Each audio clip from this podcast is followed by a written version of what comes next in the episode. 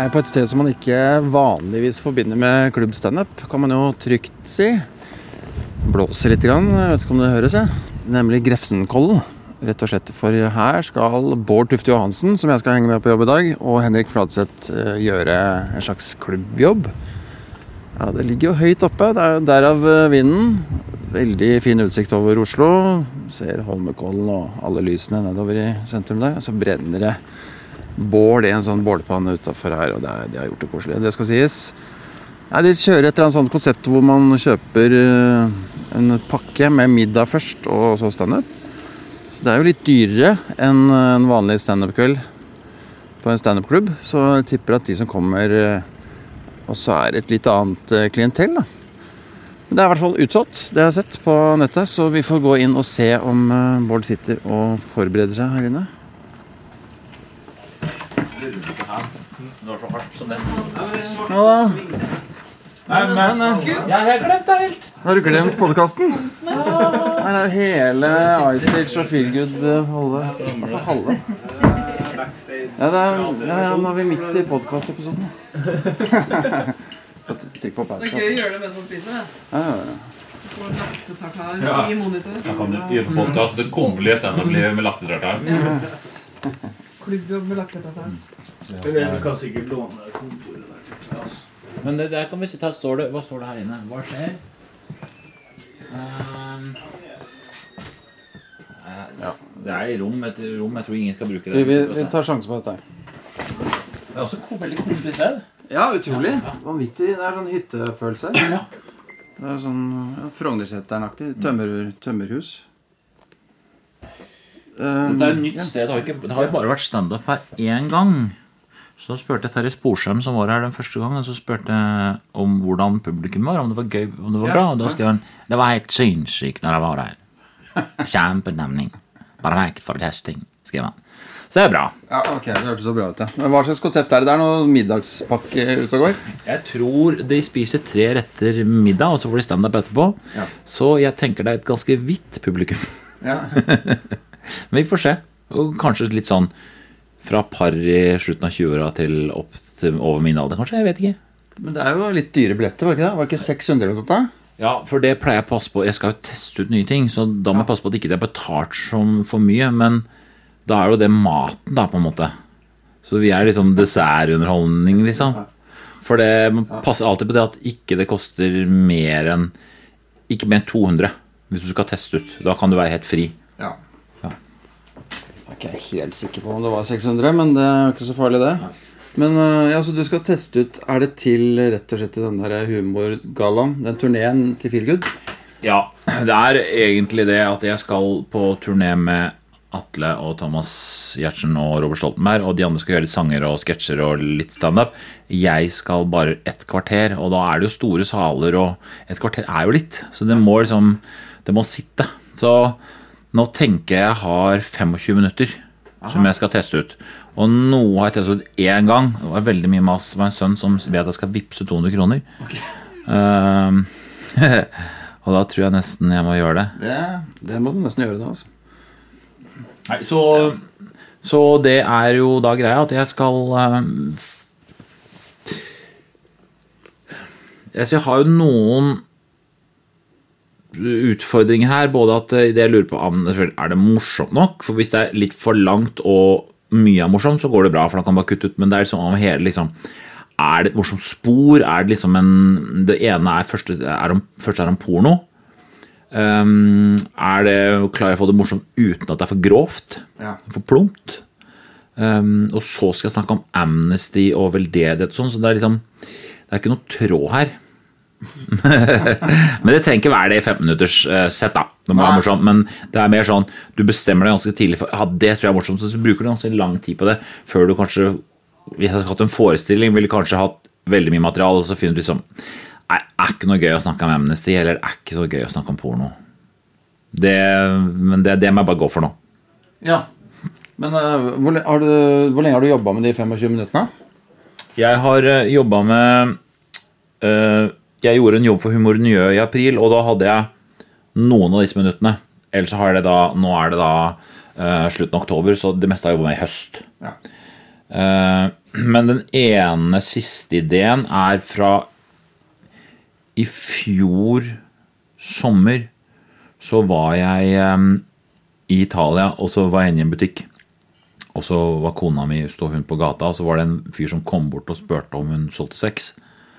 Og det var, da var hun veldig sjokka, mens jeg syntes det var litt sånn komisk. At noen vil betale for det for gratis, da. Er sånn veldig, selvfølgelig. Og den skrev jeg bare ned. Ja, det var en litt artig liten situasjon. Og det har, den har bare ligget der, så skrev jeg den ut som er sånn tre, kort, da. Tre minutter, liksom. Så for å spinne videre på er det gratis, kanskje. Ja, er vel ikke helt gratis, så videre. Ja, litt, men uten at jeg gjør så mye nummer ut av Men der tenkte jeg å, det kan bli kjempegøy, og så begynner jeg å skrive sånn Nei, det er egentlig bare det, det jeg sa der, pluss litt til. Så det er en sånn kort, et kort poeng, da. Jeg kommer ut, og da har hun sånn Nå skulle du vært her. Blikk. Og så kommer jeg ut, og hva har skjedd? Jo, noen har kommet bort for å spurt om hun solgte sex. Og hun var helt sånn kjempesjokka. Og jeg lata som jeg var sjokka. For jeg tenkte bare på én ting. Tenk at noen vil betale for det jeg får gratis! Det var helt rått. Gratis. Ikke gratis. Det er ikke derfor vi er sammen, men sånn økonomisk så går ikke dette opp. Det har det opp.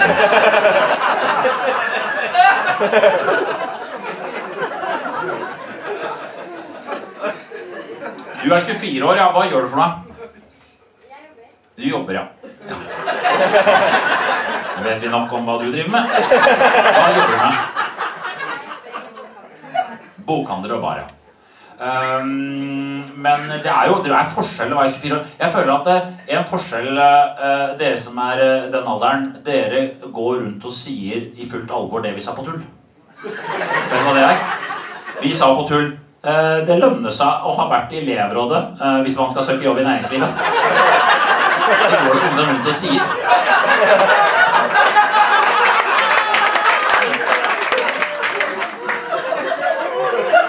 Da tror de på jobbintervju så sier jobbintervjuet ja, hvorfor passer du ut av denne jobben hvor du skal drille 1000 meter ned i bakken? Eh, Jeg var eh, ansvarlig for å få melkeordninga til å inneholde sjokomelk.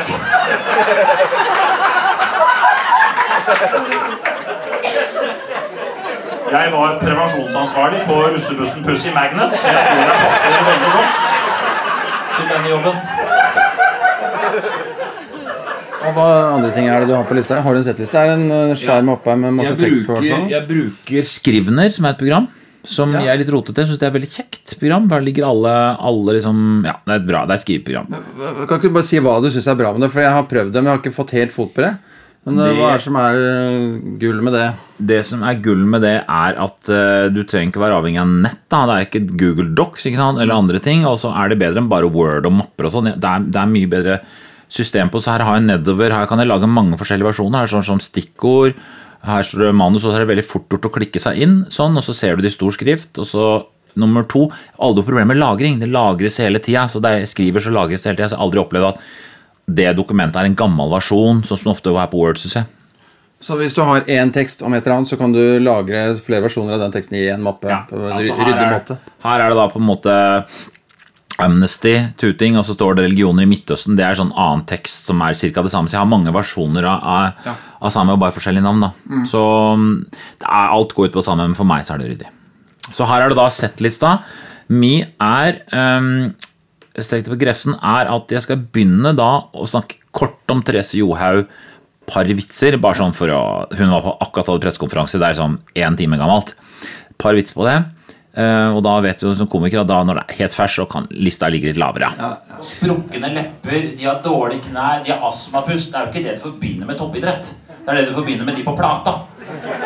Og selv de på plata sier det går an å passe litt grann på hva du putter i kroppen.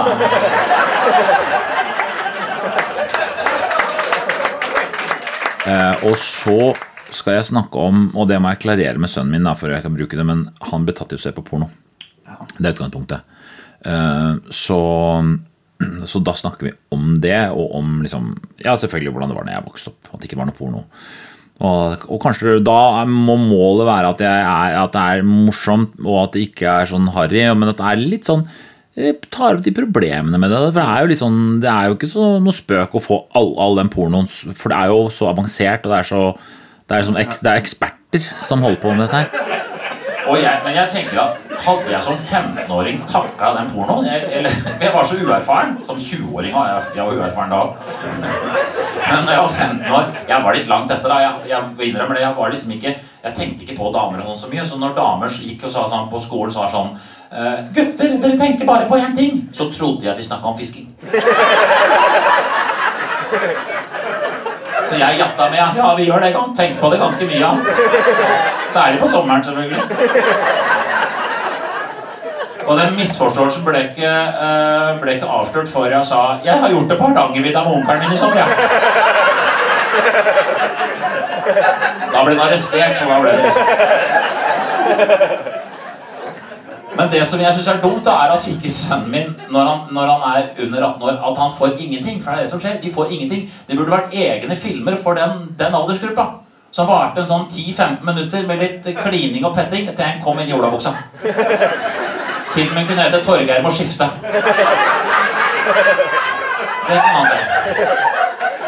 Og så kommer det over på dette med at jeg ble på ordentlig da SMS-aksjonist for Amnesty. Eh, Som du skal få sånn SMS hvor det står sånn eh, Marwan har blitt fengslet for homofili. Krev at han løslates, og så må du sende retur. Og den første meldingen jeg fikk når jeg hadde blitt aksjonist, var, var nemlig at en fyr hadde blitt fengsla for homofili.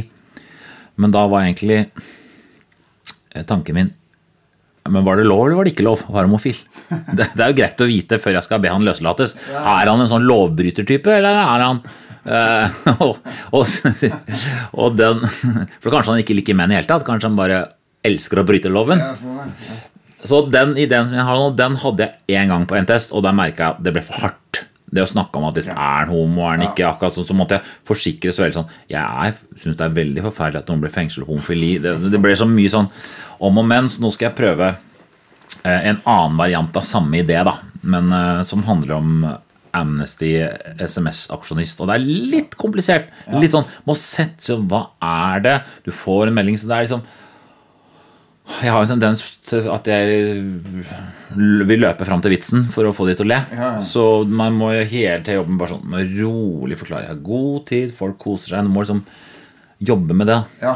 Jeg har prøvd å skrive noe nå at man får dårlig samvittighet Når man har dårlig samvittighet for noe, så gir man mer til veldedighet.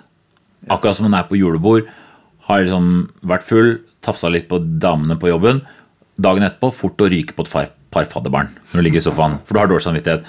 Så da lo du litt. Ja, litt sånn. Og så hvis den ikke funker i dag, så må jeg få et annet setup. For det kan ikke begynne med 'jeg ble SMS-aksjonist for Amnesty'. Det må begynne med liksom en vits eller to.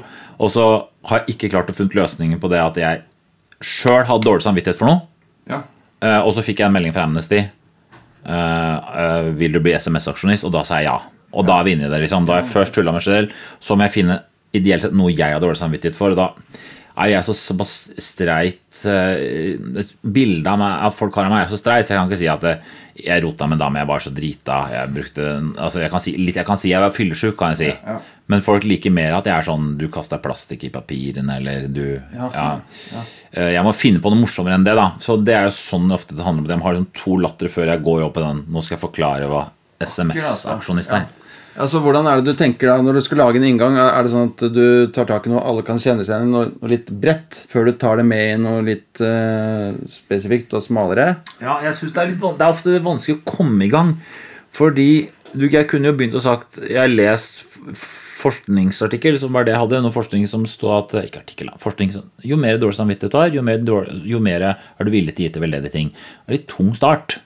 Så nå skal jeg på juleturen, ja, men da kan jeg begynne sånn Jeg har lest Har du dårlig samvittighet for noe, så er det fort å Og så går jeg opp på julebord. For liksom over på det scenen, da. Ideelt sett så uh, kunne jeg kanskje Det tenker jeg nå kanskje etterpå kunne vurdert bare si sånn Jeg var på julebord med jobben, dumma meg ut, kom hjem, fikk et fadderbarn. Der stadig har alle fadderbarna mine er at jeg har gjort noe. Jeg har åtte fadderbarn. Liksom, nå tenker jeg høyt, da. Kanskje det er det en morsom åpning. Jeg har, jeg har Marwan i Colombia. Da var inne på mannegruppe her og skrev noe. Så har jeg Jeg vet ikke, ikke? Så kan man ja. tenke en annen Så Det er sånn jeg må prøve men ideen er fortsatt jeg skal inn på Amnesty International. Ikke sant? Men ja, altså, I og med at folk sitter og drikker, så er det jo en ganske tydelig link der at ja, kanskje noen dere gjør noe dere angrer på, eller angrer i morgen. De, på det jeg skal ut på veien, så tror jeg det går. Ja, ikke sant? Ja. Men eh, ja, helt klart. Så her er det litt annerledes. Ja, ja, jeg er sånn SMS-aksjonist sjøl, og jeg får alltid så dårlig samvittighet hvis jeg ikke svarer med en gang. Ja, men det er bra, for jeg spør sånn, Er det noe som er en SMS-aksjonist, Og da sier jeg det er ingen som merker at ikke du svarer. Det er ikke sånn til torturistene sier Har vi fått, tele, har vi fått SMS fra Skomsvold? Nei, da kjører vi på å rive ut neglene hans. Det er ikke Du får ikke melding tilbake om at 'du sendte ikke melding', så nå er han henrettet. Så det er takket være deg. De følger ikke opp sånn. Det er jo egentlig bra. Det har vært det en måned, og jeg er ikke så sikker på om det virker. Men det jeg syns er at um, Det jo, jeg har funnet ut er veldig kjekt. Vet du hva det er kjekt for, Reidar? Hvis du sitter rundt middagsbordet, og du får uh, dama di øh, fersker deg kjefter på deg fordi du ser på telefonen under middagen, da kan du si Vel, jeg holdt bare på å stoppe en henrettelse. Men greit, vi kan snakke om puleutvalget på Skeidar, hvis det er det du vil. Og så er det det litt kompliserte poenget etterpå, som jeg avbryter meg sjøl med, det er at øhm, det er veldig lett å kjenne igjen de landene hvor det er ikke menneskerettigheter, og det er eh, steining og pisking og faenskap. Det er i såkalte tuteland.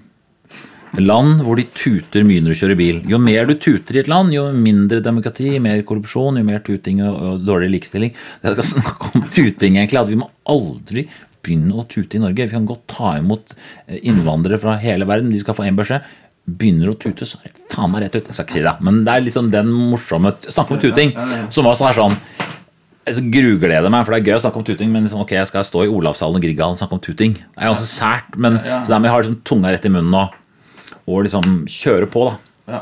Har, du vært, i- har du vært i Egypt, for eksempel? Vært i Egypt. Ja, ja, der er det helt- Veldig mye tuting, og er det mye omskjæring der? Jeps. Er det mye korrupsjon? Jeps. Ja, ja. Ja, og filskifter. Man eh, kjører bare og- på kryss og tvers av de filene og roper og spør om veien og bulker, og det, det koser seg. Nei, det, det, det er, er, jeg, og jeg har vært i Iran eh, og kjørte en to timers biltur i sentrum i Iran, og vi krasja sju ganger.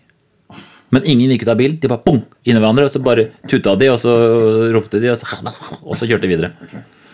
Ja vel. Men du, åssen var det i Iran? Det var eh, veldig strevsomt i, selve Teheran. Var så innmari, folk var veldig koselige, men det var innmari kaos. Så vi skulle spille fotball med noen folk. Vi var to, vi var to stykker, skulle spille fotball med folk, og så sa vi ja til det. Og så fant vi ut at det var, var i byen, det var i Teheran, og det var, vi var i Teheran. Det tok tre og en halv time å kjøre. For det var så mye kø. Så fant vi ut at det var som å være i Oslo og spør, dra til Arendal og sparke fotball og tilbake. Så det var så utmattende, rett og slett. Sånn, og det var tute, tutefest, da. Ja, ja. Ok, Neste punkt. Og så Så kommer det egentlig en gammel idé som jeg ikke brukte på Mann 44, som jeg heller aldri testa ordentlig ut fordi det handler om prostata. Og det er jo du komiker, altså Alle komikere i denne alderen her skal ha prostatatekst.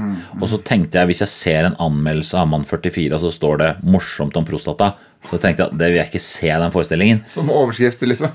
Ja, nei, at anmelderen, bare at anmelderen skrev Hva artig om prostata. Altså, det virker så døvt, da. Så, så ideen der er altså egentlig litt tufta på eget liv at jeg har en venn som er fastlege fra ungdomsskolen, og at de rollene fra ungdomsskolen de forsvinner ikke.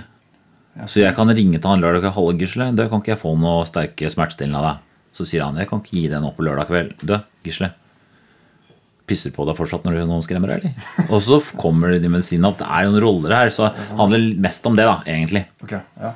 Og at det er litt øh, At jeg sjekker det ganske ofte, for det er litt sånn Jeg kan gjøre det, på en måte, og at det er komisk at han Han er så skoleflink fyr. Ja. Og at det er så overraskende at han som er så skoleflink, at det er han som ender med å stå og putte fingeren opp i rumpa på menn. Jeg hadde ikke trodd han skulle gjøre det. Ja, det er det der. Det er også veldig kort. Sjekker du prostataen ofte? Var det du sa? Nei, Ja, men det var, jeg gjorde det en gang uh, for et, par år, et år siden, og da var det ikke så vondt. Så jeg følte at uh, jeg skal prøve meg på vitsen at det er, det er ikke at det er kjempegodt, men det er som å få restskatt som var i ti sekunder. Å nei! Da er jeg borte. Sånn er det. Det er ikke verre enn det, på en måte. Men Er det ikke litt ydmykende, eller øh, går det greit? Jo, men det er det som er morsomt, at jeg Ja, kommer det mat, ja. Så bra. Her kommer Stian Oi, oi, oi. Stian Morten Pet Pettersen. Det er kylling. Å, Det er hans fulle navn. Kommer med kylling, ja. å, kylling og farris. Det er ikke en dårlig backstage-mat. Hva var det i stad til forrett? Det Det var var rett og slett laksetartar. Nei, men det er jo fordi vi er på en Vi underholder på en restaurant, da. ja, ja. Vil du ta pause under spisingen, kanskje? Nei, vi kan prate videre. Vi prater videre. Ok, ja, men øh, jo, for det er det jeg ser for meg at den der prostataseansen er litt ydmykende, men det er kanskje ikke det. Nei, det er, prøver å si at det er ydmykende for han, legen. For det, er ikke sånn at legen kan ringe til meg og si Det der Gisle her, jeg har vunnet i Vinlotteriet, har litt tid, kan ikke du komme ned til jeg får stikke fingeren i rumpa di? Det er ikke han. Jeg kan be han om å stikke fingeren hans opp i rumpa mi. Og det er han det være ydmykende for, for jeg kan komme, Gisle, ta og stikke fingeren opp i rumpa mi. Nå, vi har, det er en uke siden sist. Ja, men mye kan ha skjedd siden forrige uke? Prøv å snu situasjonen på hodet. Sånn. Men den er nok eh, Hvis jeg har 24 minutter og skal ha, for, for, ha fem, et sett på 15-16 minutter, så er nok, den er nok litt i fare. Ja. Og, og han gjør det jo ikke fordi han vil det. Det er ikke sånn at han kan ringe 'Det er Gisle her. Du, Bård, kan ikke du komme ned etter jobben?' 'Jeg har vunnet i vinlotteriet og har litt tid til overs. Jeg har lyst til å spille fingeren opp i rumpa ikke han, han kan ikke prøve det. Jeg kan be han gjøre det. Jeg kan bare komme til han, jeg skal dra ned buksa. 'Halla, Gisle. Stikk fingeren opp i rumpa mi.' Og så kan han si 'Det er ikke så lenge siden vi har gjort det'. Nei, men mye kan ha skjedd siden i går. Men nå skal jeg ha en ganske lang Nå skal jeg ha egentlig holde på i halvtime, så her må jeg på slutten bruke noe gammelt. Og det vil si fra Mann 44? Ja, eller? som vanlig. Har du mye annet standup-materiale liggende også? Du gjorde standup eh, litt før også, for noen år siden, som Harald, husker jeg. Ja, har noe Jeg gjorde På ett ett år så gjorde jeg en, tur, en liten turné. Gjorde så gjorde jeg sånn sju-åtte minutter om finanskrisa. Og da Av det materialet så er det kun igjen én sketsj, én vits, og det er det er ikke skikkelig finanskrise, for døtrene til Jon Fredriksen jobber som det ser ut som. Som er en fantastisk morsom vits. Så hele materialet er liksom bare kanaliserende til én vits. Okay, ja. Det er altså sånn det er. sånn, når gamle ting så står det igjen bare to ting, Ja. egentlig. Ja, det er, det er mye man ikke har lyst til å si etter hvert. Man blir sånn ferdig med det. Ja. Og det var jo snakk om ah, Kan du ikke spille forestillingen Mann 44 litt til? Men ene vitsen min var at Ari Behn bodde i London. Og da jeg kan jo forandre det, men det var bare tegn på Nei, nå, nå, nå må vi slutte. Ja, det er ferdig, ja. Men uh, har du lyst til å lage et show til en gang? Jeg, jeg har nok det, men jeg har ikke noe sånn konkret, ikke noen konkrete planer. Så mm, ser åssen dette her går. Hvis jeg føler liksom, Oi, plutselig har jeg 20 bra minutter, kanskje. Men jeg føler bare at jeg må ha noe sånn, litt sånn klar plan på hva det handler om, kanskje, før jeg setter i gang. Ja. Ja, for det hadde, det hadde du vel ikke på Mann 44? Eller Nei, var jeg det hadde vel egentlig ikke det. Men jeg hadde en, hadde en tekst som på en måte var på en måte Ja, det er teksten som alt springer ut fra. Som er på en måte at jeg er en vanlig mann. eh, For å Det med å dra på Plantasjen som en del av forspillet, som liksom forklarte hvem jeg var, hvor, hvor jeg var i livet. på en måte. Det, det, det var der, ok, nå er jeg her, og nå forteller jeg helt ærlig hvordan jeg har det, og hvordan jeg ser på ting. Det var utgangspunktet, og det kan jeg selvfølgelig gjøre en gang til. Det er jo det er godt mulig, men liksom, det var i hvert fall det var i hvert fall liksom, Da så jeg det for meg. Ja, nettopp. Mot, men måtte, øh, var det da å si, at du fant din stemme på standup-scenen? Ja, det var vel det, tror jeg. Ja, jeg tror det de stemme, Min stemme, ja. Men Måtte du jobbe mye for å komme dit, eller? For å finne din stemme? Ja, jeg måtte i hvert fall bort fra alt som At jeg sjøl kjente på For man leser jo den der This is Stand Up Comedy, som er måte, den beste som alle skal lese. Og det er en veldig bra bok. Men det er jo liksom det, Hvem er det du er på scenen? Liksom, hvem er det, du, hvem er det folk ser? For det, det, det Jeg syns jo det syndes litt mot at liksom Hvis du står på scenen og så sier sånn ja, 'Jeg var med to dager damer hjem i går', jeg. Og så sier jeg at folk i salen du, du har aldri vært noen hjem. Du har ikke, du har ikke ligget med noen. Og da er det selvfølgelig mye morsomt å ta utgangspunkt i det. Og komme på scenen og si Snart skal jeg ligge med noen. Eller like før nå, eller hva nå du begynner med. da Bare liksom du kjenner at ok, jeg er kilere, så, så jeg kjenner liksom bare at liksom hvem I og med at jeg var såpass kjent, da. Ikke sant? For jeg var jo da kjent fra TV før jeg sto på standup-scenen, så syns jeg det var litt vrient, ja. Hvor hard kan du være? Hvor, hvor um, og, og ikke minst, hvordan får du liksom vitsene til å bli en del av deg? For du, det handler jo om jokes her. på en måte Vi må jo få vitsene til som Og Dagfinn Lyngbø vet jo liksom Han er nesten en karakter. Så, men er, han får vitsene til å fly de, de, de tar jo av, alle vitsene hans, fordi han har funnet en måte å være på. Som ikke er så lett å Så jeg, jeg tenker at man skal være litt sånn tålmodig. Ja. Prøve Men, Men, men eh, hvilke erfaringer har du gjort deg med å gjøre, gjøre det standup-showet? Jeg har vel eh, jeg, jeg har jo brukt lang tid på å skrive materiale, og så lang tid på å bli litt flinke. da Ikke flink, for det er jo må jobbe videre, men snakke for fort. Snakke ta, jeg har en uro i liksom kroppen min også, så når jeg står på scenen. Og det, alle har jo litt det, for nå er jo nervøs. Så det å liksom virkelig liksom Og Thomas Giertsen var innmari flink til liksom Folk har ikke hørt det før. Altså, det, altså, altså Folk vet ikke hva SMS-aksjonist er. Så du, SMS For du skal forte deg bort til vitsen. Du må liksom I dag skal jeg være rolig, forklare hva det er. Jeg har tid, folk sitter og hører på. Du må liksom um, Så det, det er det mer tekniske biten, da. Um, det var liksom Det har vært min utfordring å liksom få liksom være god, da. Ja. Men hvorfor eh, bestemte du deg for å gjøre standup? For det er så sjelden at eh, TV-komikere begynner med standup. Ja. Så hva var det som, gjorde at du fikk lyst til å prøve, prøve, prøve deg på det? Jeg har gjort det sånn litt halvveis, sånn halvhjerta. Når jeg står på scenen noen ganger, så kjenner jeg Oi, nå traff jeg veldig bra. Og jeg har kjent at jeg kan komme i sonen, da. At jeg får til ting. Og så var det jo egentlig bare at jeg, det har ligget der hele tida. At jeg har sånn, var jeg vant til å stå og snakke, spilt i band, stå og prate, i Jeg Har vært programleder, monologer og sånn. Og så tror jeg det var en gang jeg lå hjemme og, og så skura fuga de der flisene De eh, rengjorde med tannbørste de fli, mellom flisene. Beate mente jeg måtte gjøre de hvite. Og da tror jeg jeg var akkurat ferdig med Tim Antonsen eller noe. da hva kan stemme som sa til meg Er ikke du for kjent til å gjøre dette her? og en sånn følelse at er disse tunes De holdt ikke på sånn. liksom, Er det ikke noe gærent her? Som liksom lå der en sånn morsom greie. Er ikke jeg for kjent? Ja, Hvem er jeg egentlig? Jo, men jeg er jo bare så da, da tok vi liksom bort det fra mann 44 at jeg er ikke jeg for kjent til å gå rundt og gjøre sånn. Men, for det er ikke noe bra utgangspunkt. Men det lå liksom noe at jeg, og, og så kom den Plantasjen-teksten. Ja. Så spurte jeg Lina Kranz kan jeg komme og prøve det ut. Og så traff jeg veldig planken da når jeg testa det ut. Innmari god stemning. Jeg tulla med Behring Breivik først, og det var stas. Og det var, var ikke måte på hvor jeg traff. For det er ofte sånn, og så kommer du i gangen etterpå, så er det ganske stille. Så det er nok fordi du er så overtent og liksom Ja. Eh, Så da, etterpå, var jo Lina Kranz selvfølgelig sånn Du må lage show, og dette blir fantastisk. Men eh, det, så eh, for å svare da på spørsmålet, så er det nok det at jeg alltid følte at hvis jeg jobber skikkelig bra, så kan jeg, lage, kan jeg få det til.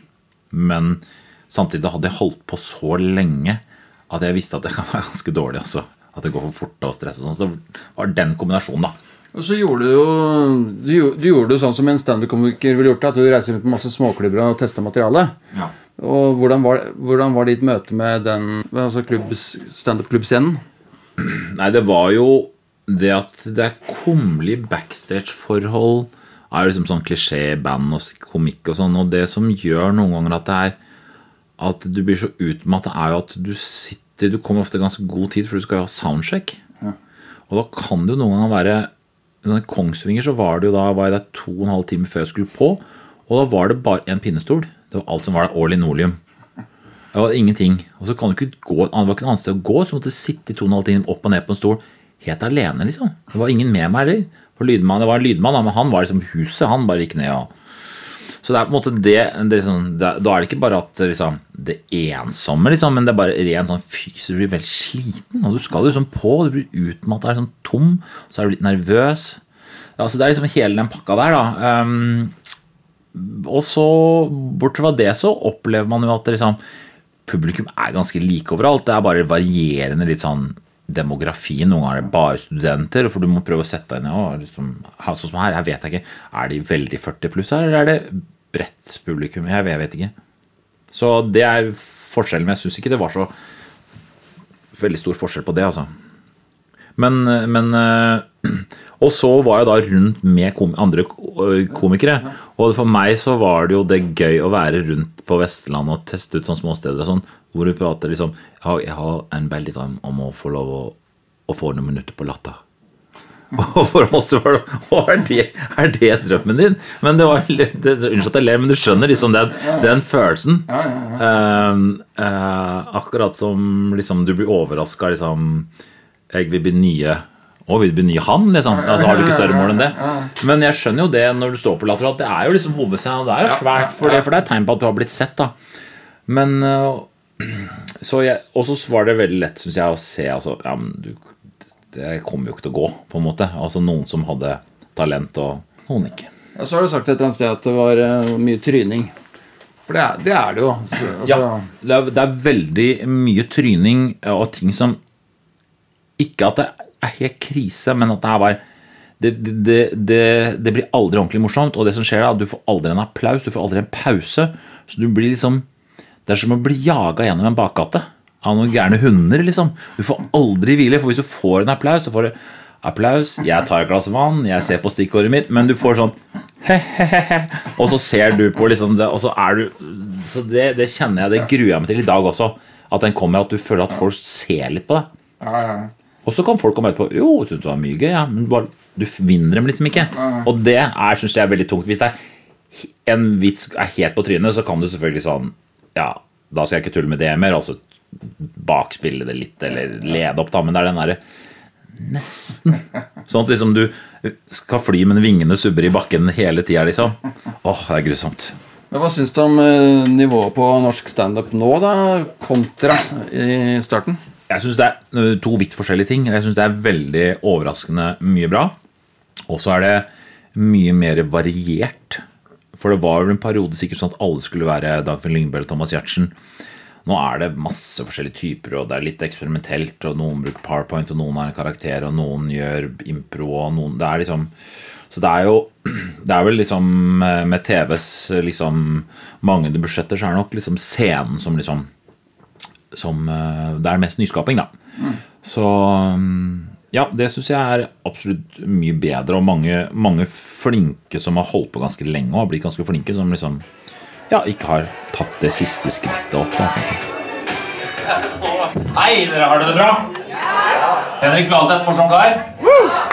Jeg har jo bare vært bak der helt til slutt. Jeg har ikke fått med meg så mye. Jeg fikk med at du var veldig opptatt av overganger. Var det det? Og en som heter Reidar. Hvem er Reidar? Det er deg, altså. Du er liksom representanten. Og alle dere bor Bor, liksom, bor dere rundt her? Ja. Nei, sier du. Hvor bor du, da? Du går vestover, ja. Jeg har kommet den fra 1800-tallet, som kommer en kvart. Jeg kommer vestover. Østover. vis kvinne. Da er showet over, og det var jo gøy. Det var, det var ikke gærent, det. Jeg var fornøyd med det. Um, Jeg syns det var veldig bra levering. Syns du det? Ja, så bra. Um, det, jeg er vel som type sånn Når det går såpass bra som det her, så er, da er jeg fornøyd. Og så er det liksom bare, men det, fordi du er så letta, og så må du begynne å se ja, det. Så må du begynne å se på det som ikke funka. For det, ja, men liksom, var det sånn, åh, ok, jeg kom greit i gang. De lo ganske mange steder. Og så etter hvert så kan man telle litt nederlag mer i morgen. Da. Ja, absolutt. Men hvor mange ganger har du gjort eh, de nye tingene som du gjør i dag? Noe er for første gang. Noe har jeg gjort én gang. Ja. Så den, den Alle tekstene har jeg gjort en gang før, men noen passasjer er nye, vitser er nye, overganger er nye. Men Var det noe forskjell fra første gang til nå? Ja, det er, det er to Det er liksom noen Det er et par steder hvor sånn Oi, der lo de ikke så mye. Men der mener jeg de lo sist gang, så da kan jeg ta det opp. Så kan jeg gå og høre hvorfor det. Og, og jeg kan ikke skrote en vits som du prøver én gang. Nei. Hvis det er helt ille, så kan man skrote den kanskje. Men jeg tenker at man må gi den en prøve å, Hvis jeg rekker å teste ut en gang eller to til, så hvis det da svinger enda, så kan vi kaste den av. Ja, så du, du tester ikke så mange ganger før du skal ut? rekker jo, ikke, rekker jo ikke så mye nå. Det er jo premiere. Men jeg, men jeg skal jo ha jobber i Kulturhus, da, så kan jo etter det første jobben i Kulturhus Det er jo ikke en premiere med anmeldelse, liksom. Eh, bortsett fra den, den avisa man er i, da. Så det blir, vil jo bli litt til underveis, da. Og ideelt sett bygge på litt ting når jeg får enda mer selvtillit på materialet. Da har jeg jo 20 minutter sett da, som jeg kan bruke på klubbjobber. og kan, Det var jo sånn jeg lagde forestillingen sitt, så at jeg hadde bra 20 minutter, og så bygde jeg på derfra. Men jeg, sagt, uten at jeg har noen konkret eh, plan på det. Men det er gøy å ha et sett på sånn 20 Nå holdt jeg på en halvtime. Og før så virka jo det helt jo, ikke overkommelig. Og så brukte jeg noe fra forestillingen helt på slutten, og det gjorde liksom ikke noe. Virka ikke som det gjorde noe. Nei. Nei. Virka ikke som de hadde hørt det før? Eller de syntes i hvert fall så det var gøy å høre det igjen? Den, eh, det som er forskjellen, annen forskjell på ungdommer og meg, er at da jeg var ung, så gjorde jeg hærverk. Og sønnen min han gjør ingenting hærverk. Og jeg er forundret over det. Hvorfor gjør de ikke hærverk? Og det, er, det har gått ned. Og forskerne mener det er én grunn til at hærverk har gått ned. Vet du hva det er? Smarttelefoner. Når ungdom i 12-13-14-årsalderen får smarttelefon, så kjeder de seg ikke. Og da gjør de ikke hærverk. Og det rimer jo, for det var jo ikke sånn i oppveksten min at jeg prioriterte å gjøre hærverk. At jeg var sånn Nei, gutter, jeg kan ikke leie Moviebox, for jeg må til Porsgrunn og rive opp noen brøytepinner. Jeg har ikke noe lyst, men jeg må få gjort det før det kommer snø. Må få unna, liksom. Men den gjengen, åssen er, det- er de å være på tur med? Den gjengen på tur er veldig mm, det er, er, det er veldig mannete, og det er veldig sprekk i feltet. Eh, For det, altså, eh, Robert er jo innmari søt, han er homofil, veldig forsiktig. Så hvis en kommer bort og sier 'Hei, jeg, jeg så på borettslaget', så «Hæ? Gjorde du det? Så fantastisk. Setter jeg veldig pris på. Han er veldig sånn. Mm. mens noen kan dytte mer bort. Altså bare ikke være så følsom, da. Atle er jo en festrakett som tar av. Og Thomas Giertsen, han Hvis han får chilinøtter bak scenen, så knuser han chilinøtten, og så sånn spiser han ikke det rundt. Så han er mer som et ekorn. Han er egentlig som en sånn uh, anorektisk blogger. Sånn, sånn lever han. Og legger seg tidlig. Og hvis han drikker to glass, så sier han 'Oi, jeg merker at jeg drikker'. Ja, det er jo konseptet. Så han er rar, rar, eh, uhomogen hjem, men, skravlete og hyggelig, ja. Ja, Hvordan er du der, da? Jeg er nok øh, Jeg mener at de gangene jeg følger Atle, så holder jeg til sånn halv tre. Så fortsetter han videre. Og av og til, da. Og framover, så altså når den turneen, er ferdig, da er det jo Nytt på nytt, da, rett og slett. Ja, det er jo det der. Så i desember så skal jeg begynne å være litt mer på NRK og prøve å liksom De er ferdig med sin sesong i begynnelsen av desember, så det er veldig kort fra de er ferdige til jeg skal begynne. da, Så det er ikke så innmari mye man får jobba forandra, men liksom jeg forandrer jo min, min stil, da, på en måte. Når fikk du vite at du skulle være med på det, eller når fikk du spørsmål om det? Og hva, og hva tenkte du da? Jeg fikk spørsmål først for et par år siden, eh, og da ville Jon slutte. Og så tenkte jeg at jeg skulle gjøre det. Og så um, kom jeg og banka på. Um, og så tenkte jeg jeg skulle gjøre det, men så forandra jeg mening og fortsatte med briller. Og da tok Jon og fortsatte allikevel. Og Så han har fortsatt et par år av deg? Nei, fordi han tenkte jeg gjør det allikevel. Og da tenkte jeg egentlig at da er han over kneika, så da fortsetter han. Og jeg syns jo han er så dritflink i det, så, så det, jeg tenkte ikke egentlig noe mer på det. Og før jeg da i vinter fikk sagt Nå vil han slutte, når han bestemte seg. Og da tenkte jeg ok, da gjør jeg det. Så vi ble vi enige før sommeren, egentlig. Så vi gikk liksom holdt det hemmelig fram til høsten, da. Ja, og hvorfor, sa du ja? Hva var det som frista? Jeg sa ja fordi at um, jeg syns Og jeg gjør jo briller, jeg syns panelshow er gøy, men jeg syns nyheter er gøy, satire er gøy. Jeg, jeg syns det programmet har vært gjest der, jeg syns det er en sånn institusjon. Og, og på en måte Ok, Jon skulle slutte, og um, da tenkte jeg kanskje jeg kunne gjøre en god jobb for å få det til å gå videre. For jeg tenker at det er viktig eh, Et mm, program som er fin, fin tradisjon, da. Hvordan blir det å overta etter Hana, som har hatt den jobben her hele tiden? Jeg tror eh, Håper at det skal gå bra. Han er jo veldig populær fordi han er innmari flink. Eh, Og jeg, jeg har jo vært på scenen med han. Han er nesten på en måte, selv om han er så i toppen, så er han nesten undervurdert. på måte, Han er så, er så, har så våkent blikk. Han spør så morsomme ting, han får med seg ting. Og han liksom eh, han, han, har liksom Han har det. Så det er ikke noe spøk, det. altså. Så jeg kommer vel kanskje til å ta med litt mer komiker inn i rollen, da. Som jeg, og med at jeg er litt mer komiker. Men, eh, men konklusjonen er Det er ikke noe sånn Det er ikke et synkende skip jeg overtar. Det er liksom bare prøve å ikke ødelegge det, da. Ja. Er det noe konkret du har lyst til å gjøre annerledes? Det har, det har fått litt kritikk for å være litt uh, ufarlig, kanskje tannløse. Jeg ser på at du kanskje um, kommer til å gjøre noe annerledes der. Ja, jeg skal prøve å liksom pirke litt borti de vonde tinga. Kanskje få noen gjester til å si noe mer eh, litt på kanten. Kanskje jobbe for at det kommer litt gjennom klippen.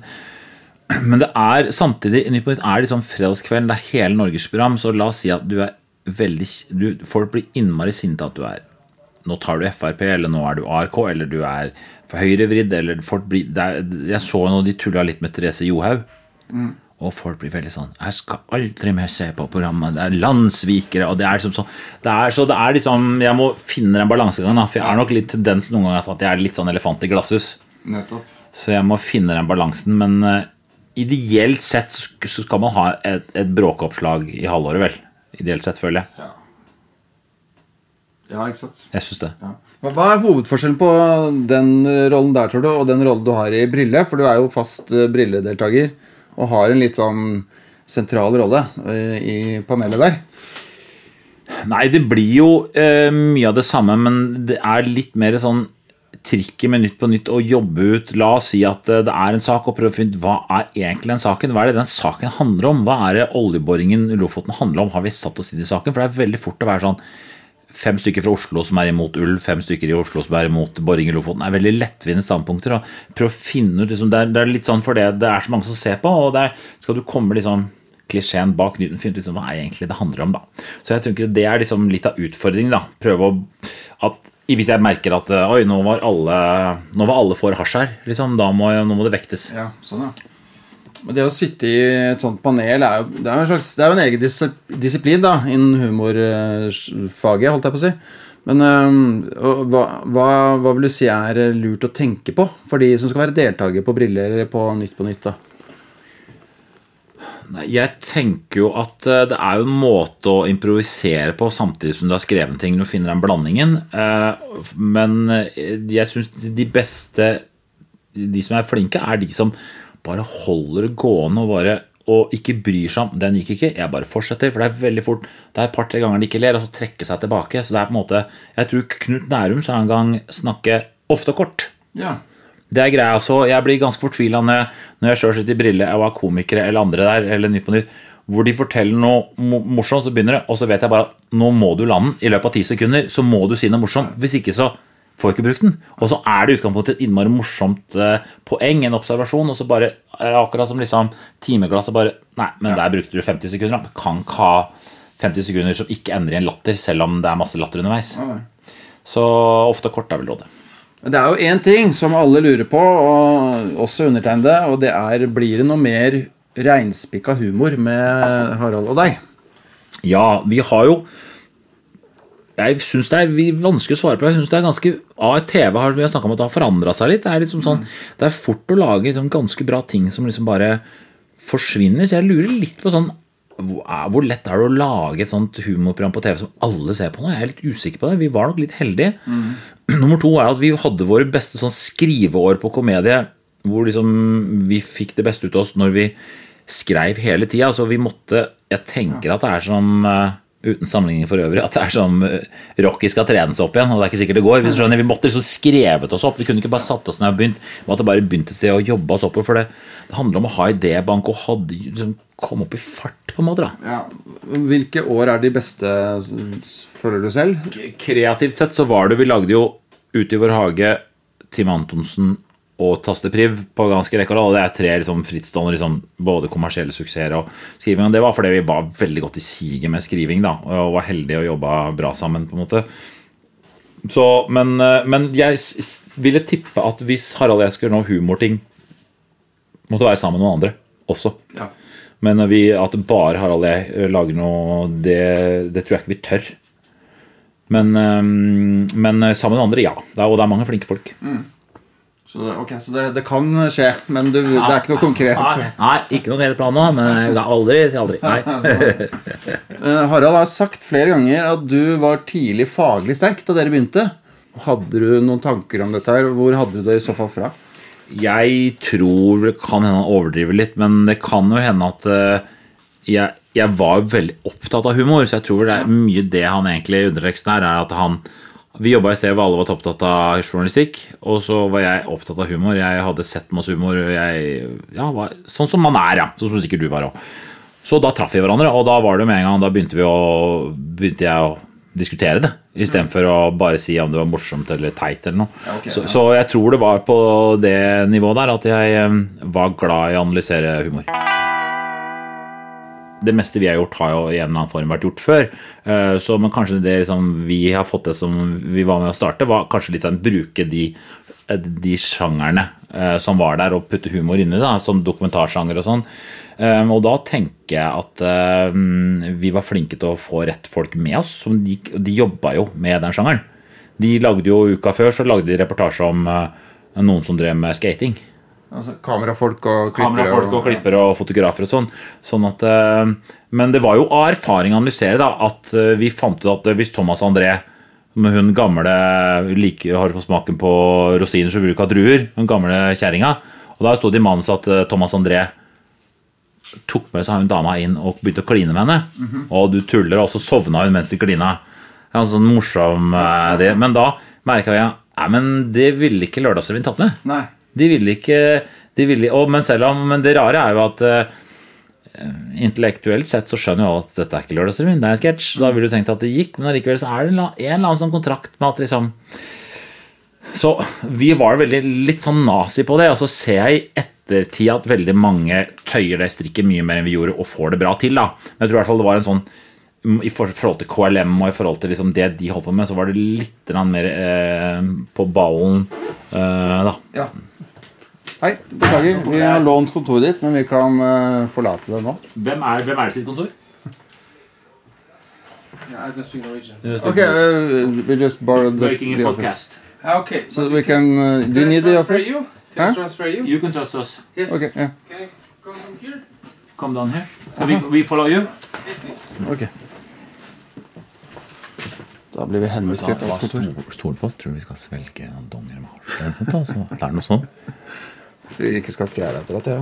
Sorry. Uh, know. Vi får låne et annet kontor i hvert fall. Oh, yeah, thank you. Perfect. Thank you very much. No problem. Sånn. Da har vi blitt tiltrodd et kontor med masse sprit. Ja. Det står på en vogn her. Og så uh, sa han det som veldig ofte mange østeuropeere gjør. At uh, vi kan sette oss på treneren. På Treneren. treneren. You can sit on the coach. For de sier altså det. Så da trodde jeg Jeg trodde et øyeblikk det var Nils Arne Eggen som lå her, at vi skulle sette oss på han. Men så var det en sofa jeg bare sa, sa kort. Ja, ja, ja. Nei, men, Det eh, sjukeste er at Kongsvinger er i cupfinalen og har slått Strømsgodset på bortebane. Det er litt spesielt. Altså Nå har folk hørt på podkasten, da har de lest avisa, men det fikk jeg med nå. Det er litt spesielt. Det er det sikkert. Jeg vet ingenting om fotball. Men uh, jeg kjøper den. Men uh, vi ble jo avbrutt midt i en setning, vet du. Ja, vi gjorde det. Jeg, vi ble avbrutt at jeg skrev av meg sjøl, tenker jeg. Ja, det, ja. Det er det du er invitert hit for å gjøre, ikke det? Nei, men, men du vi snakker om det dokumentarsjangeren og sånn, så um, Det blir vel sånn at vi følte at vi fant opp, vi fant opp noe nytt, liksom, og så var vi litt vel nazi, og så ser man i dag, i dag òg Så ser man jo at uh, sketsjer på The Onion eller eh, ting som er bra, gå i et rasende tempo. Da. Så på en måte så har jo nyhetsmediet også forandra seg, og amerikansk nyhetsmedie har jo veldig mye høyere tempo. Og sånn sett har sketsjen der også. Så vi hadde nok et sånt formspråk som var litt sånn vi skal besøke en mann som Så sakte går du i Norge, ikke sant? Så du blir veldig sånn Så, så i dag så mm, ser jeg nå at Sølvrekka sånn, de parodierer da youtubere og andre typer nettklipp og sånn, så sånn skal det være. Men uh, hvis du skulle lagd et humorprogram nå, hva, hva skulle det inneholdt? Har du noen formening om det? Nei, det Grunnen til at liksom eh, sånn talkshow-aktige ting føltes bra, at du kan utnytte liksom alt da, med å være deg sjøl og gjøre noen intervjuer og noen sketsjer og noen baserier, liksom. Men eh, hvis jeg skulle måtte lage det programmet nå, så måtte det nok blitt noe i humordramasjangeren, tror jeg. Eh, fordi da hadde vi hatt en mest, mer kontroll. Eh, fordi du går ut og gjør noe, og du kan klippe, og du kan gå ut og gjøre det igjen. Så det var dårlig svar på hva det skulle inneholdt. Ja, men altså humordrama, rett og slett. altså. Ja, jeg tror det måtte blitt noe i den retningen, men det kan jo skrus mange veier, da. Um, men det hadde vært Jeg, jeg, jeg Bærum og Beyer og sånn, jeg var og så på det der um, Kultureliten-showet der. Så da har de noe som er ganske mørkt inni der, som gjør at det blir veldig stille i salen. Og det kjenner jeg meg veldig igjen i. Man har lyst til liksom så da diskuterte jeg med Martin Beyer å det var veldig bra, men hva gjør dere etterpå? For det blir jo veldig stille, og da er det jo vanskelig å få forestillingen opp i fart igjen. Så jeg, jeg, jeg har jo alltid hatt en dragning når man har, har god tid til å liksom prøve å pirke bort noe vanskelig og noe litt skeivt, noe litt rart, da, på en måte. Så, mm, så det bør jo være i hvert fall et humorprogram som har elementer av noe som ingen har sett før, da. Ja, så klart. Det, det er vel alles, det vil man jo. Men, øh, mens for veldig mye som er på TV i dag, er jo sånn litt for barn, da, på en måte. Sånn side om side og neste sommer og sånn er jo litt sånn Ja. litt for barn, på en måte. Familieunderholdning, da. Alle Ja, kan det like det. Og det er jo Det er vanskelig å lage det òg, så Ja. Hva, hva liker du av humordrama selv om dagen, da?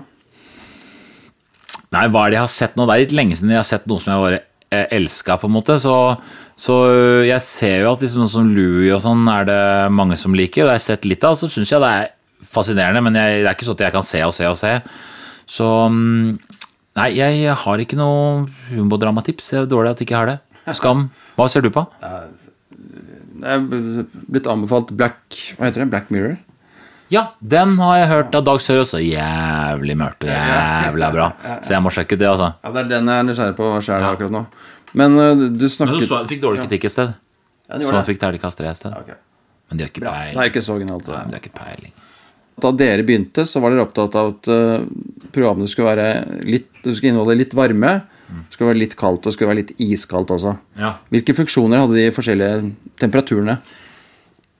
Nei, det er eh, bare at eh, du sitter litt mer forover i sofaen, og du vet liksom ikke hvor det tar deg, og at eh, det er vel noe med det er en måte å overraske på. Akkurat som du tenker familieunderholdning, har liksom, du, ser, du ser det komme, da, stort sett, men det er når det liksom plutselig tar en helt annen vei, en helt annen retning, er jo veldig gøy. Um, så det var bare sånn, ok, det var også for oss også en måte å sørge for at ikke det ble bare én ting òg. Ja. At ikke det blir for hardt. For sånn, ok, nå må, kan vi ha en folkelig, et litt sånn koselig innslag, og så kan det være noe helt sjukt, for det, vi gremtes hver gang det var sånn bisart, bisart, bisart, kaldt, kaldt, skeivt, skeivt, skeivt, for det kunne jo også skje, da. Ja. Så det gjør jo også at du, liksom, du kan sjekke av på de andre tinga. For det, du merker jo at liksom, folk trenger på et tidspunkt å skikkelig le. Ja. Der kom det en skikkelig vits. Det var et morsomt poeng. Oi, det var gøy. Altså, glatte sko med Atle Antonsen, liksom. Sånn, bare sånn, alle, det, det var moro. Det er, alle programmer vil ha også det, da, tenker jeg. Jeg, jeg hørte at noen syntes at Utenfor hage var litt mørkt. Litt for mørkt. Ikke sånn det var så veldig sært, men at det var liksom litt mer, litt mørkere enn det. Og da da detter jo folk litt av, for det er jo ikke så populært. altså Lyse ting selger bedre enn hvite mennesker selger uke for uke blant mørke mennesker. Sånn er det. Og, og Lillehammer også, når det ble liksom mørkere, så plutselig så var det ikke så gøy lenger. Jeg tror i hvert fall de tenkte at vi ville ha et program som også hadde litt sånn intellektuelle referanser. At det var sånn særlig litteratur med, med på en måte alt fra De fire store til Dag Solstad og Bjørnson og og vi var litt mer sånn Og Harald evinnelige ideer om tyngdekraft. Altså sånne naturvitenskapelige ideer. Så der, vi, der skilte vi oss nok litt ut. Ja, For det var et poeng for dere å ha den type referanser? Jeg tror bare fordi vi var opptatt av det, og vi syntes det var gøy. Og det var gøy, og det er, det er ganske morsomt å tulle med høykultur også. Ikke bare tulle med lavkultur, men ta høykultur og vri og vende på det òg. Hva er det du, Vi var inne på programmer du er mest fornøyd med. men Hvilke egne karakterer og sketsjer er du mest fornøyd med? Jeg mm, har ikke så mange karakterer, da, men jeg, jeg har jo noen sånne Noen eh, Det hender jeg ser på nå Vi gjorde en gressgreie utover hagen, den ble sett ganske mye av. Og så hadde vi en sånn hvor jeg er eh, Hvor jeg er Jeg mener, husker den er ganske morsom, hvor jeg sitter i uh, Freide ikke frekk. Hvor jeg, sånn, eh, hvor, jeg er, hvor jeg sitter i rullestol. Og er sånn stuntreporter i rullestol. Det husker jeg som ligger ute på YouTube. Sånn ganske morsomt og skeivt og rart. da. Um, så det er noen sånne ja, da, da er nok det Jeg liker nok det som er litt skeivt og litt sånn ja, stoltere av det, da. Jeg husker en sketsj hvor du ble intervjua, og så var, spilte du en karakter som avbrøt under Ja. intervjuet. Det syns jeg var kjempegøy. Ja, det var gøy. Kan du huske hvordan du fikk ideen til det? Til til det? Ja, det fikk vi ideen til hvor det var sånn dette opptaket her, sånn som det ofte er, vi skal vise noen kaffegal, gikk en del feil under intervjuet. Av bloopers. Det var noen bloopers som begynte å komme. Så nå her skal jeg vise liksom hvor mange ganger det gikk feil. Og så Da var det liksom sånn Nei, røyka hasj under intervjuet. Ta det en gang til. Nei, var rasistisk under intervjuet. Altså, det, så det var bare En slags parodi på bloopers, da. Ja, egentlig så var det det hvor det Og så også en artig, litt rar dame som vi jobba med hefter i NRK.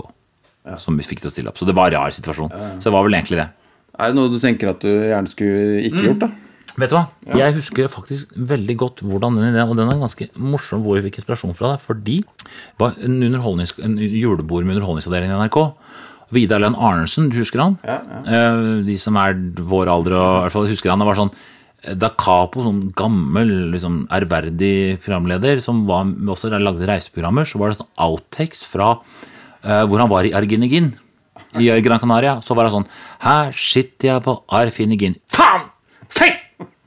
Her sitter jeg på Arginefon... Faen! faen, faen! Og så blanding av den faen og den der blide Ja, velkommen tilbake til Argini. Nei, faen og fitte, hold på! Og det, det skiftet der, jeg holdt på å le oss fillete. Som var den der kunstige blide. Ja, ja, det var den. Og sammen med den der skrikinga. Så den hadde vi innmari dilla på. Eh, og så prøvde vi til og med å få tak i det klippet, men det var ikke, var ikke mulig å få tak i. Det var litt tilsvarende den der Håkon Morsleth-figuren. Uh, vaktbikkja. Ketil Morsleth. Ketil Morsleth. Ja. Ja. Ketil Morsleth eh, med krøssklipping og sånn. ja. Var det rett og slett noe du hadde sett på TV, da, som du gjorde en vri på? Ja, det var vel eh, eh, noe vi liksom følte at kunne vært sånn distriktskontor i, i Tromsø. Som, hvor det var litt sånn, De hadde liksom programmer Velkommen til programmet Krakk, hvor vi skal sitte på en krakk. Hvor vi skal ha en krakketeprat. Og det var veldig sånn konseptuelle ting. Hvis det kom fra distriktskontoret, eh, hadde man en følelse av. det. Så at det var eh, At det var en som ville være veldig tøff, være vaktbikkje, men som var helt underdanig alle med makt. Som man også liksom fikk sånn følelse at det var. At det er sånn Dere Arbeiderpartiet må skjerpe dere. Altså, jeg støtter Arbeiderpartiet, så jeg bare sier dette nå fordi, eh, fordi at Ja, dere skjønner. Det var litt sånn attitude i samfunnet, da. Så det er liksom verdens, verdens tøffeste vaktbikkje, som var egentlig sånn logrende hund, var ganske morsomt å være. Er det noe du angrer på, som du tenker at det kunne jeg godt ha droppa?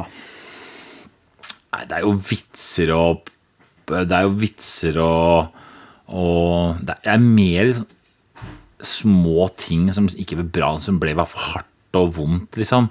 Så er det evinnelige ting, fikk Kalvik og sånn, men det jeg føler jeg liksom Det var så mange omstendigheter som gjorde det, så det jeg føler vel at det er mer sånn Noen ganger så jeg vi komikere har noen ganger tendens til å liksom eh, forherlige litt det vi gjør, da. For det, vi, det er jo viktig, og det, vi brenner innmari for det.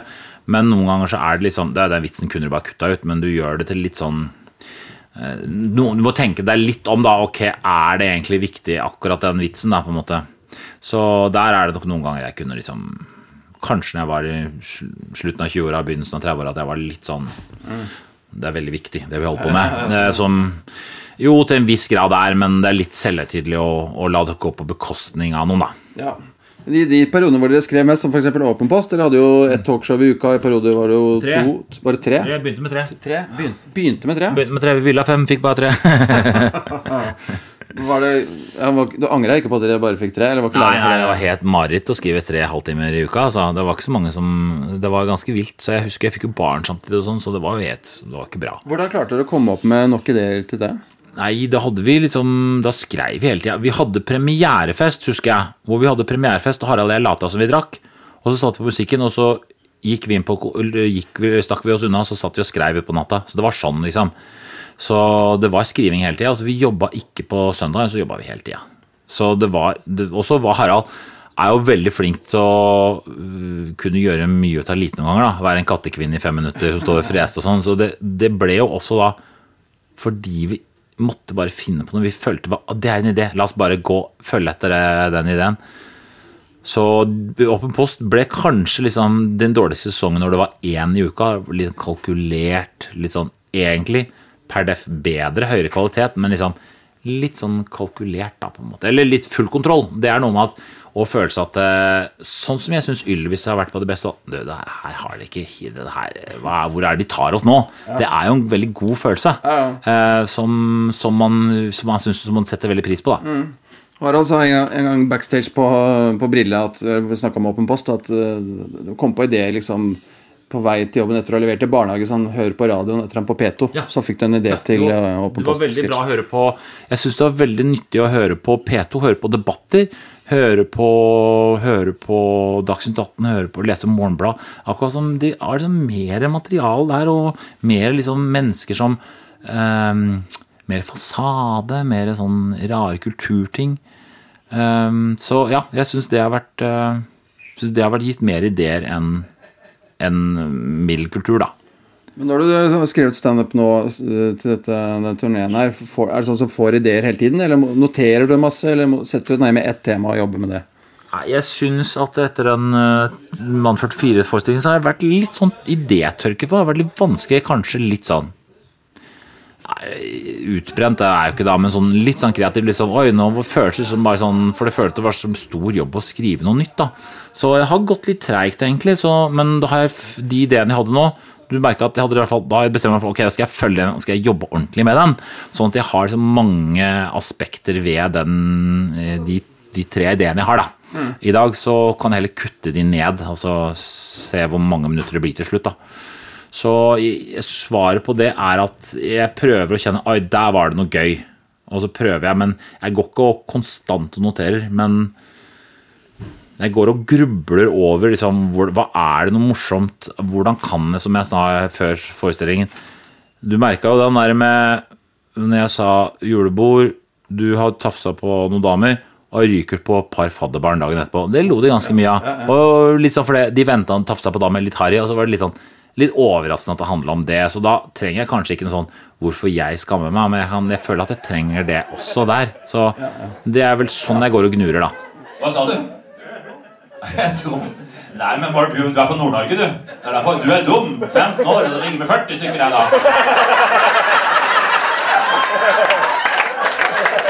Faren min var 15 år da han fikk meg. Nummer fire i rekken. Hva heter du, da? Nei, hva sa du? Hvor, hvor lyst har jeg på at du skal hete? Velkommen til Bizarro Rolbua. Jeg har lyst til at du skal hete uh, Mohammed Oluf. Nei, men du, det veldig hyggelig. Takk for at jeg fikk være med deg på jobb. Skravla veldig mye, gjør jeg ikke det? Det er bra, det. Det er topp, det, for meg. Ja, Podkast er det bra. Ja, det, ja, det er det.